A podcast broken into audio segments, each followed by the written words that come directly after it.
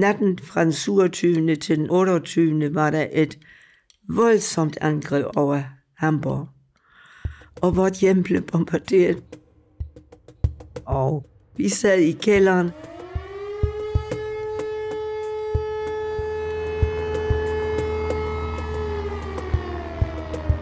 Det var jo en kælder, der var betoneret under et flerfamiliehus lige over for os.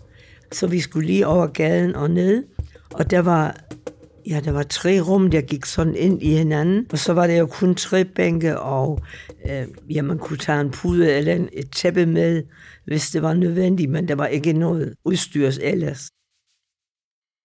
Og i kælderen, der stod der i et hjørne en pumpe, som skulle pumpe ilt ind den der ildpumpe, den betød, betød jo utrolig meget. Når vi sad der i længere tid, så blev, og der var stuet så mange mennesker sammen, så blev luften jo knap, ikke? Men på grund af at alt brændte omkring os, der kom der jo ikke ilt ind mere. Vi kunne høre, hvordan tingene faldt ned, og altså det var helt forfærdeligt.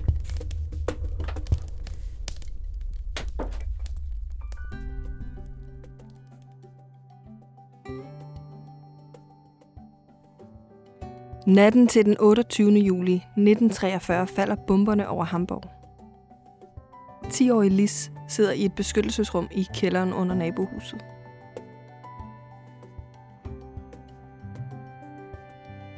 Du lytter til en podcast fra Danske Sømands- og Udlandskirker, og om lidt skal vi tilbage til beskyttelseskælderen. Men først vil jeg lige præsentere Lis, eller rettere sagt, hun vil præsentere sig selv. Jeg er Lisur, men døbt Elise Frida Gøbel, så jeg har forandret navnet, men det er min mands bedstemor, der har kaldt mig Lis, og det har alle de andre også i årenes løb. Så jeg er mere kendt under Lis end Elise. Og øh, jeg har været gift med Herbert. Herbert døde for seks år siden og var næsten 85 år gammel. Det er jeg nu, og jeg synes, jeg har det godt og jeg har haft et dejligt, langt liv. Lisa er tysk statsborger, og det er derfor, at hendes danske har en klang af det tyske. Hun er født i 1933 og voksede altså op i Hamburg, og hun bor stadig i Tyskland, lige syd for den danske grænse. Hun har ikke nogen danske rødder, og på det tidspunkt har hun faktisk heller ikke nogen danske venner – så nu tænker du måske, hvorfor er Lis overhovedet hovedpersonen i den her historie om de danske kirker i udlandet? Der er en god forklaring. For krigen fører hende nemlig tættere på Danmark, ikke kun i bogstavelig forstand, men også i sindet. Og det er det, den her historie handler om. Hvis du spørger Lis, vil hun nok sige, at hun slap billigt, da krigen rasede i Tyskland. Men det betyder ikke, at krigen ikke påvirkede hende og familiens liv. Faktisk fik 2. verdenskrig rigtig stor betydning for Lis og familiens fremtid. Hendes far blev for eksempel indkaldt til herren, han skulle i kamp, men i 1943, få måneder før angrebet på Hamburg, blev han genforenet med familien. Han var nemlig blevet skadet og derfor sendt hjem på sygeoverlov. Og kun derfor er han hjemme hos familien på den her skæbnesvangre nat i 1943. Og nu er det altså tid, vi skal tilbage til beskyttelsesrummet. Som I nok kan huske, så brænder det uden for kælderen, og den pumpe, der skal trække ild ind til de mange familier, der sidder klemt sammen dernede, den trækker altså ikke andet end koldt ilte ind i rummet. Og så sagde far, hvis vi bliver siddende her, så dør vi alle sammen. Vi skal ud. Og det var en mand, der var der luftschutz var. Det vil sige en frivillig opsynsmand for beskyttelsesrummet. Han sagde, nej, det kan ikke lade sig gøre. I må ikke komme ud. Og så sagde far, det er lige meget hvad. Du skal åbne døren. Og så åbnede manden døren, og lurerne, de slog ind imod os. Far, han tog mine to søstre under armen, og så rendte han igennem flammerne. Han løb op af kælderen, ud af bygningen og ned mod flodbredden, som lå lige på den anden side af familiens hus. Her satte han de to små piger fra sig på jorden. Han har sagt til dem, I bliver siddende, og far kommer igen. Og så kom han tilbage, og så hentede han min mor, min farmor, min bror og mig. Jeg, jeg kunne jo gå selv, og jeg havde også en lille kuffert med. Og så rendte vi igennem, og der var en trætrappe, som vi skulle op af, og den brændte allerede. Men brandværnet stod og sprøjtede på os, så flammerne ikke kunne få fat i os. Med farens hjælp kommer hele familien altså ned til floden. Alt brænder omkring dem, og de ellers så hjemlige omgivelser er forvandlet til et kaos. Familien bestående af forældrene, de fire børn og farmoren sidder afventende ved bredden. Hele natten faktisk, og morgenen med. Hvis far ikke havde været opmærksom på det der problem, og hvis min far ikke havde været der, så tror jeg aldrig, vi var kommet ud. Så jeg siger altid, der har Gud været god ved os. Og send ham hjem igen.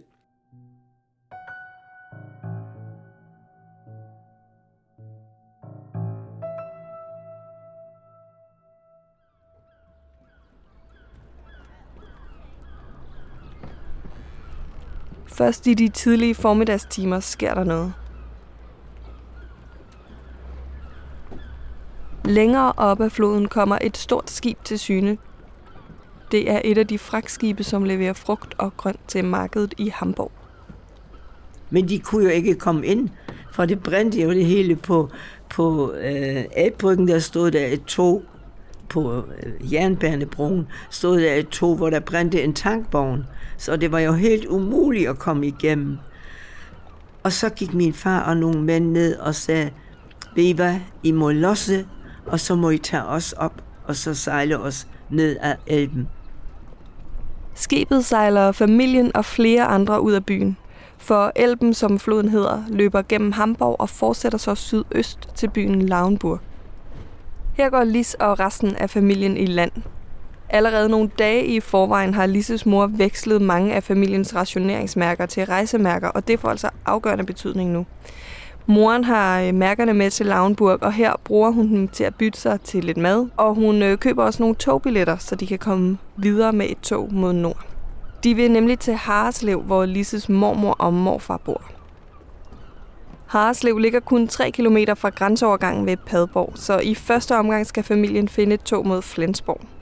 Og det gør de allerede samme eftermiddag, da et nordgående tog fyldt med soldater, der skal hjem på ferie, holder ind på stationen. I toget forsøger soldaterne at opmuntre børnene, og den ene af dem har endda noget chokolade med i tasken, som man byder Lis og hendes søskende. Men jeg kunne ikke spise noget, for jeg sad kun og, og græd og sagde til mor, mor, nu har du ingen symaskine, nu kan du ikke sy til os. Jeg har ikke mit dukkehus. Mor, jeg har ikke dit, og jeg har ikke datten. Der er ikke noget at sige til, at den kun 10 år gamle Lis er fortvivlet. Men tanken om de trygge omgivelser hos bedsteforældrene i Harslev holder familien kørende. Den nat sover de i Ratzeburg, en mindre by, der ligger nogle timers kørsel nord for havnebyen Lauenburg. Der er stadig et stykke vej til Flensborg, men toget kører først videre morgenen efter. Heldigvis forbarmer stationsforstanderens kone sig over familien og lader dem sove i stationsbygningen. Næste morgen tager de videre først med et tog og så med et andet. Det sidste er et godstog uden vinduer, men med sod alle vejene både udenfor og indenfor. Og så først to dage efter angrebet når familien endelig sit mål. Sent på eftermiddagen kom vi så til Flensborg, og folk glodede på os, for vi var jo sorte, at det sod, der, der sad på toget. Ikke? Men vi tog med sporvogn til Nystaden, og skulle så op ad den lange Harslogade, som man skulle dengang. Og der kom bager Svend med en trækvogn, og så sagde min far, og Helmut, kan du ikke tage min mor og Annegret med op, altså min oma? Jamen, det gjorde han, så han trak, og vi skubbede op af, af, af Harslogade, og vi vidste jo, at nu, nu var vi i sikkerhed, og nu var det godt for os. Og ved porten i Søndergade, der stod hele familien og min øh, bedstefar. Og da min mor så sin far, der faldt hun ham om halsen og sagde, far, nu har vi intet mere. Min bedstefar han kiggede på os alle sammen, Og så sagde han, har du ikke det hele din familie med? Er det ikke nok? Og det måtte mor jo indse, at det virkelig betød meget for hende. Her ved porten i Søndergade i den lille nordtyske by Hareslev starter et nyt kapitel for familien. Og midt i sorgen er der heldigvis også lyspunkter, for børnene er pludselig havnet i grønne omgivelser med en have, de kan lege i, og hvor de kan plukke modne stikkelsbær her om sommeren. Men det hele er selvfølgelig ikke ren lykke og idyll, for familien skal starte forfra. Sådan rigtig forfra. Helt almindelige ting som en seng at sove i, tøj og gryder og potter og pander er blevet efterladt i ruinerne af deres hjem i Hamburg. Og her i krigstider er det altså ikke nemt at skaffe noget som helst. Heldigvis var far, far der jo stadigvæk, han havde jo fået syge overlov, og den var jo lidt længere end en almindelig. Og far han var en rigtig god organisator. Det gik ikke lang tid. Et par dage efter, øh, mine bedsteforældre havde ryddet den bedste stue, og den fik vi, og der blev sat fire lazaretsenger op. Anden kunne man ikke få dengang. Og far han gik rundt i byen, og han fik noget hist og pist, og efterhånden fik vi der indrettet vores soveværelse. Og vi boede hos mine bedste forældre i otte måneder. Det har måske været hårdt for mine forældre, der måtte jo have afsavn på mange måder. Men vi børn, vi nød det. Vi nød det. Tænk om efteråret, der kunne vi gå ned i skoven og sidde i løvet, i det fine bøgeløv, der faldt ned, der var vi gravet inde helt op til halsen. Åh, oh, hvor var det dejligt. Så noget havde vi jo aldrig oplevet før.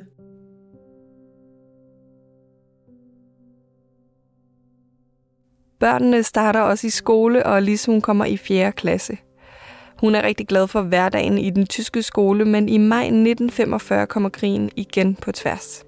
Skolebygningerne bliver inddraget til lazaret og sygestue, og i næsten et år er skolen derfor lukket. Først i foråret 1946 kan elever og lærere rykke ind igen, men krigen har sat sine spor. Især i lærerstaben, for mange af skolens lærere er nemlig blevet skiftet ud, beskyldt for at være nazister. Alligevel fortsætter Lis i den tyske skole indtil 1947. På det her tidspunkt er hun sådan set ikke færdig på skolebænken endnu, men der er noget, der trækker i hende. Hendes bror og den ene søster er nemlig begyndt på en dansk skole, Duborgskolen i Flensborg, og Lis hun vælger nu at følge trop. Der var jo mange, der skiftede over dengang, som de kaldte spækdelen, fordi man fik pakker fra Sydslesvig-hjælpen. Det var en gang om måneden mælk og margarine og havregryn og et stykke ost og eventuelt også et stykke røget flæsk og sådan. Det var jo guld værd dengang, og det var jo mange, der meldte sig ind for det. Men min mor, hun havde selv tjent i, i Danmark og havde var meget interesseret i, i alt, hvad der er nordisk. Hun havde haft en lærer, og han sagde, når I rejser ud i verden, så tag to mil mod nord, men kun en mod syd. Og den har min mor altid levet med, og noget af det har jeg også i mig. For Lis var det altså mere end et praktisk hensyn, da hun besluttede at skifte skole, og allerede inden hun begyndte, var hun faktisk også rigtig godt i gang med at lære dansk. Hun havde nemlig lånt sine mindre søskendes Ole Bole ABC, en dansk læsebog. Og så læste jeg i den, og, og det har de så fortalt deres klasselærer, og så sagde hun, jamen hvis din søster gerne vil lære dansk, så skal hun bare komme. Og det gjorde Lis. Hver onsdag kiggede hun forbi lærerindens hus for at få hjælp til det danske. Lige indtil hun altså selv startede på Duborgskolen den 14. april 1947. Den dag glemmer jeg aldrig. Det var så en dejlig atmosfære på Duborgskolen. Jeg kan tydeligt huske, at min mor hun gik med mig, så det var store dage for os begge to. Dengang havde de sådan en bænkerække, som de gamle øh, biografbænke, der kunne klappes op. Og, og dem sad vi på, og min mor hun var så begejstret. Også alle lærerne. Der var en, en fru Futrup, hun havde sådan lyst hår og, og sådan sat op. Åh, sagde min mor, det er rigtig en nordisk type. Lis kan fortælle mange flere historier fra Duborgskolen. Hun taler varmt om lærerne, der var mindre strikse end de tyske, og hun kan snakke rigtig længe om de spændende fag. Og der er også en enkelt historie om en tur på rektors kontor. Men især et minde står særligt skarpt. Præcis et år efter starten på Duborgskolen tager Lis og resten af klassen nemlig på studietur – de skal til København med deres klasselærer Johannes Hofmeier, som har arrangeret, at de skal besøge Holte Gymnasium og samtidig se den danske hovedstad.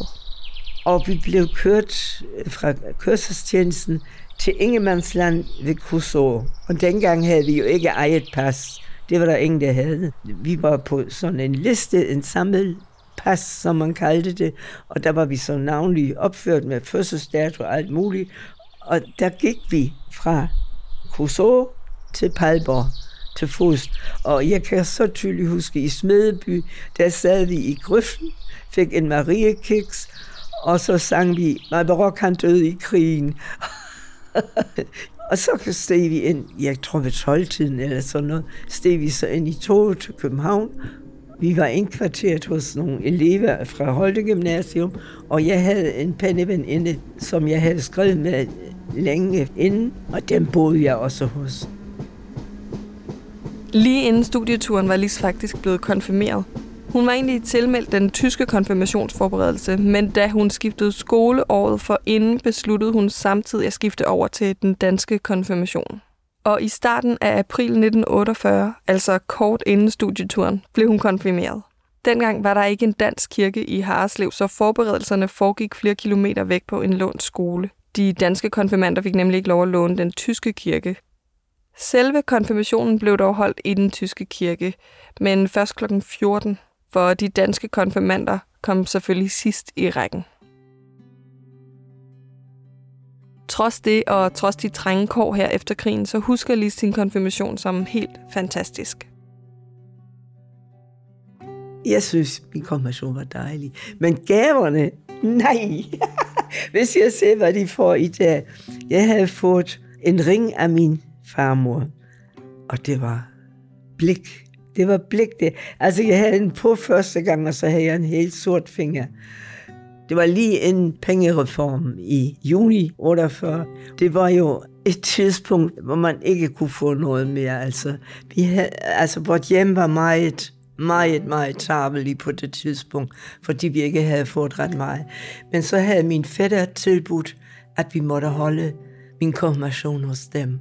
Og det var der, det var der så stor slået, synes jeg. Og øh, så havde de også alle sammen havde sparet sammen. Det var jo stadigvæk rationering øh, til en steg. Så vi fik en suppe, og vi fik steg, og, og så fik vi, som dessert kan jeg huske, det var noget, der hed Mädchenrøde. Det var æggehvide og saft og sukker, der var pisket op til sådan skum, og det var jo meget fint. Åh, sikke en dejlig kombination, ja. Ifølge Lis var stemningen allerede ved at vende på det her tidspunkt. Den var ikke helt så hadsk over for de danssindede som tidligere, men det betød ikke, at de dænen, altså Lis og de andre fra Duborgskolen, nød nogen særlig stor respekt i lokalsamfundet. Faktisk var de mange steder uleset, men Lis ænsede ikke rigtigt før efter sin skoletid. På den anden side af eksamenerne fik hun via sin far en plads som kontorelev hos et tysk advokatfirma. Og selvom Lis dermed var sikret de næste tre år, så gik det altså ikke helt lige så nemt for hendes tidligere klassekammerater. Mange af dem søgte også elevpladser, men havde ret svært ved at finde et firma, der ville tage dem ind. Og også i de perioder, hvor Lis hun var på skolebænken i den såkaldte fagskole, blev der visket om de dæne, når Lis og de andre danssindede var i nærheden. Men heller ikke her lod hun sig gå på. Altså, det var mere, da jeg var udlært, der er jeg gået næsten gennem hele byen har søgt plads. Ja, der var ikke nogen vej udenom, for Lis blev ikke tilbudt en fast stilling efter sin elevtid i advokatfirmaet. Til gengæld fik hun hjælp af en tidligere kollega fra firmaet, som nu har fået et nyt arbejde. Han og Lis stødte tilfældigt på hinanden på gaden. Og så sagde han, søger du arbejde? Ja, det gør jeg virkelig, sagde jeg så. Ja, så skal du bare melde dig hos os. Og der må du ikke nævne, at du har dansk skolegang, for så bliver du ikke taget. Og der skulle jeg jo så arbejde, så jeg måtte jo ikke røbe, at jeg var dansende. Og det gik fint, men vi var jo dansende alligevel. ja, det var de. Både Lis og Herbert, hendes mand, som hun havde lært at kende flere år forinden. Herbert var også vokset op i et dansksindet hjem, og han havde både gået i dansk børnehave og skole. De to mødte hinanden som ganske unge til en majfest i ungdomsforeningen, men øh, der gik altså mange år, før de blev kærester og forlovet, og altså så også til sit skift i 1954. Da de nåede så langt, var Lis ansat i det her tyske boligfirma, hvor hun ikke måtte røbe sit danske sindelag. Og det var altså ikke helt problemfrit, for øh, og Herbert ville gerne giftes i den danske kirke i Flensborg. Så når kollegaerne spurgte til brylluppet, så måtte Lise jo forsøge at tale udenom. Vi har bare sagt, at vi er blevet gift. Vi har ikke sagt, at præstens navn har vi ikke nævnt. Bare borgmesteren, der udførte det borgerlige, den borgerlige hvilelse. Og ellers ikke. Nej, jeg kom egentlig også godt fra det. Det må jeg sige. Kun én gang var det tæt på at gå galt, da den kvindelige afdelingsleder begyndte at fable om, at hun ville komme til globryllup. Så havde jeg en kollega, der også havde gået i dansk skole, og hun sagde så til hende, nej, vi kan ikke komme ud til Harslo, for den tyske kirke er så lille, og hun har en stor, stor familie. Så langt så godt, men kun et års tid efter opstod der altså en ny situation. Lis og Herbert var nemlig blevet forældre til en lille pige, som skulle hedde Kirsten. Da vores ældste datter skulle døbes, så blev hun hjemmedøbt. Fordi øh, så kunne vi sige, ja, hun bliver hjemme. Ja, skal hun ikke døbes i den tyske øh, kirke i, i Harslev? Nej, hun bliver hjemmedøbt, kunne jeg så sige. Men det var tiden, og det kommer han også igennem. Ja, det var nemlig tiden, for selvom det her i 1950'erne var over 20 år siden, at Slesvig blev delt mellem Danmark og Tyskland, så satte grænsetrækningen fortsat sine spor.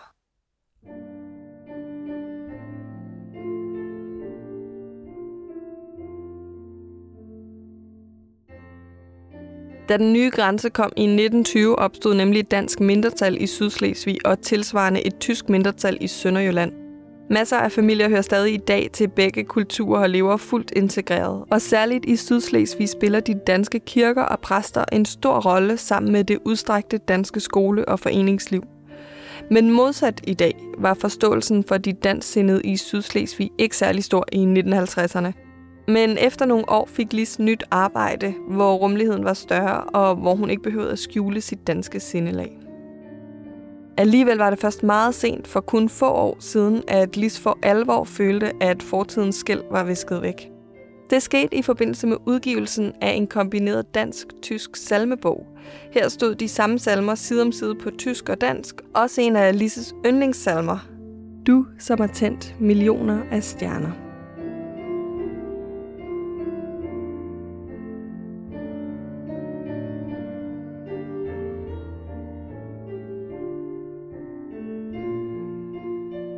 Udgivelsen blev fejret først i den tyske kirke med både danske og tyske præster til stede, og bagefter med kaffe, kage og taler i borgerforeningen. Og lige her blev Lis ramt af en særlig følelse. Omkring hende sad helt almindelige mennesker som hende selv. Der sad præster og medlemmer af menighedsrådene, og alle sammen var der med det ene formål at hylde samhørigheden og den salmebog, der gør det muligt at synge sammen. Det var så stort. Det var så stort for mig, at, at det kunne lade sig gøre. Det var så fantastisk. Med den her følelse i kroppen besluttede Lis at bede om ordet, og det fik hun. Der sagde jeg bare, at jeg er så glad, at jeg står her i dag og har den store oplevelse med den meget, meget fine bog til min konfirmation havde vi ikke troet, at vi kunne stå her med så fin, i sådan en anledning, og i sådan, med sådan en fornem bog foran os. Og så fortalte jeg om min konfirmation, og også om, at vi ikke kunne få Kirsten døbt, for så havde jeg risikeret at, at, at, at øh, miste mit arbejde.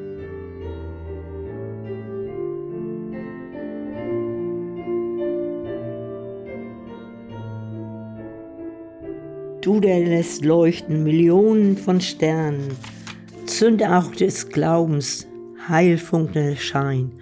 Du unser Licht, selbst in weitesten Fernen, in die geborgen, so schlafen wir ein.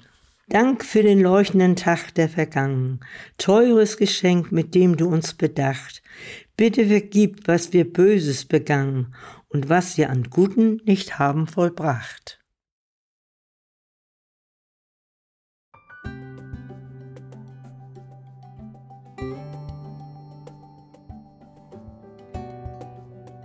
Du har lyttet til podcastserien Langt væk, men ikke alene. Først og fremmest tusind tak til Lisur. Historien her er produceret af Danske Sømands- og Udlandskirker i samarbejde med forlaget Eksistensen. Og det er den i forbindelse med 100-året for etablering af Dansk Kirke i udlandet. Tilrettelæggelse af Anne Melgaard. Musik af Rasmus Svicki. Produktionsassistent Steffen Ryl Støjtel.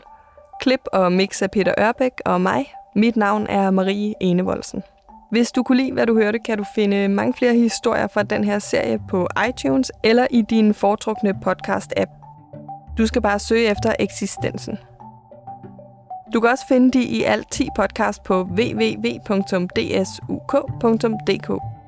Her kan du også læse meget mere om de 48 danske kirker i udlandet og om organisationen bag. Tak fordi du lyttede med.